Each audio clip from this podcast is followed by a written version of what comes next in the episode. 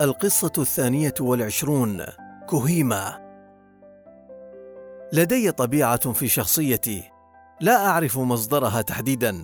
هل هي فطرية أم مكتسبة؟ لدي طاقة تنافسية عالية.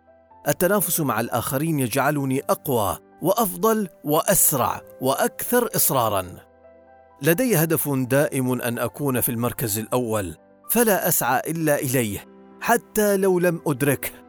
لا أعرف هل الخيل وسرعتها وسباقاتها التي عشقتها منذ صغري أكسبتني هذه الصفة أم أن هذه الصفة الفطرية هي التي جعلتني أكسب سباقات الخيل وأكسب الكثير من سباقات الحياة؟ لعلها الأقدار. أن نكون جزءا من تكوين دولة لجعلها في المركز الأول أو أن تغرس هذه الدولة في تكويننا حب المركز الأول حتى قبل نشأتها. منذ التحاقي بسرية كوهيما في كلية مونز للضباط كان لدي هدف. كنت أريد المركز الأول على دفعتي. كنت أريد أن أشرف بلادي بنجاحي وتفوقي مع بدايات التدريبات العسكرية في منطقة دارتمور سادت أجواء من الرهبة والفزع ثكنات سرية كوهيما بسبب صعوبة التدريبات وقسوة الظروف الطبيعية التي كنا نواجهها. كانت لدي أفضلية في هذا الموضوع. فأنا متعود على أجواء الصحراء والمبيت فيها والتعامل مع أخطارها ومعرفة اتجاهاتها والسير فيها. وكان الكثير من الرجال الذين يتيهون في الصحراء يلقون حتفهم إذ لا توجد معالم بارزة يستدلون بها على الطريق ومع ذلك لم أكن أخاف الصحراء.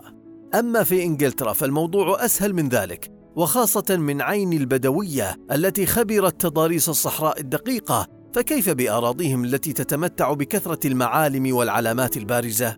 بدأنا التدريب وهو عبارة عن أسابيع نقضيها لوحدنا في الغابات والوديان ورغم قسوة التدريبات وكثرة الإصابات وصعوبة الخرائط ووسائل الاتصالات العسكرية كنت حريصا على أن أكمل تدريبي بكل احترافية للوصول إلى هدفي.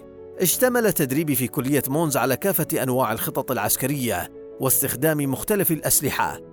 ومعرفة أدوات الاتصالات وأساليب الحرب الحديثة وخططها وغيرها الكثير. وكنت حريصا في كل ذلك على تقديم أفضل ما عندي والاستماتة في كافة أنواع التدريبات البدنية والذهنية والعسكرية. وكنت قريبا من الحصول على العلامات الكاملة حتى حدث ما لم يكن في الحسبان.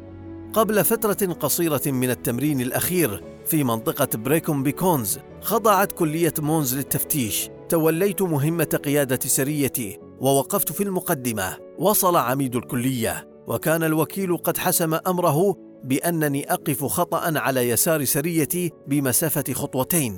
أما أنا فكنت مقتنعا بأنني لم أفعل ذلك ولن أرتكب مثل هذا الخطأ في مرحلة متقدمة من التدريب كهذا وبينما كنا ننتظر وجهت نظري للأسفل وركزت على علامات الخطوط المرسومة حيث أقف. وإذ بالوكيل يصيح بصوت مدون الضابط راشد خطوتان إلى اليسار.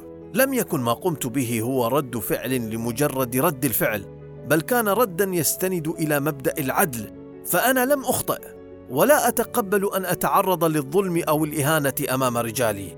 صحت بصوت عال جدا. كهيمة! خطوتان إلى اليمين. تحركت السرية بكاملها خطوتين إلى اليمين. وأصبحنا في صف واحد ومستقيم. بدت علامات الغضب واضحة على الوكيل وبدأت أدرك أن حلمي في التفوق على دفعتي قد يكون تلاشى بفعل عملي الذي لم أندم عليه. وكنت متاكدا أن الضباط الواقفين خلفي كانوا يفكرون برهانات حول العقوبة التي ستقع بي.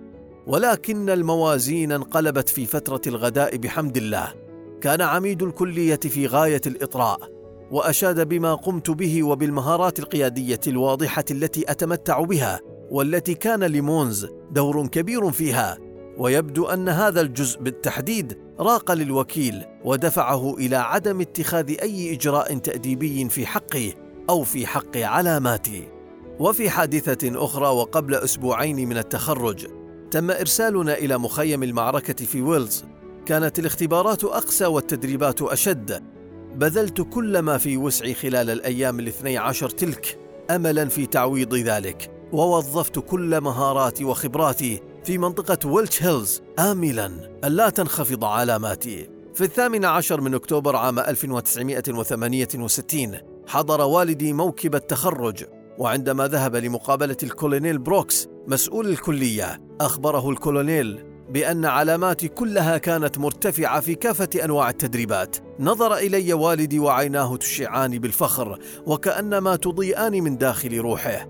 شعرت بأن الزمن قد توقف وهو ينظر إليه وشعرت بأنني قدمت إليه أعظم هدية خلال تلك السنوات الصعبة قبل الاتحاد.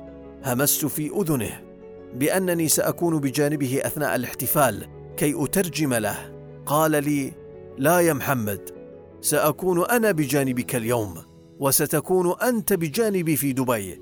أمامنا ثلاث سنوات لتجهيز جيش قبل انسحاب بريطانيا. وأمامي قائد عسكري أحترمه وأثق به لتسليمه هذه المسؤولية.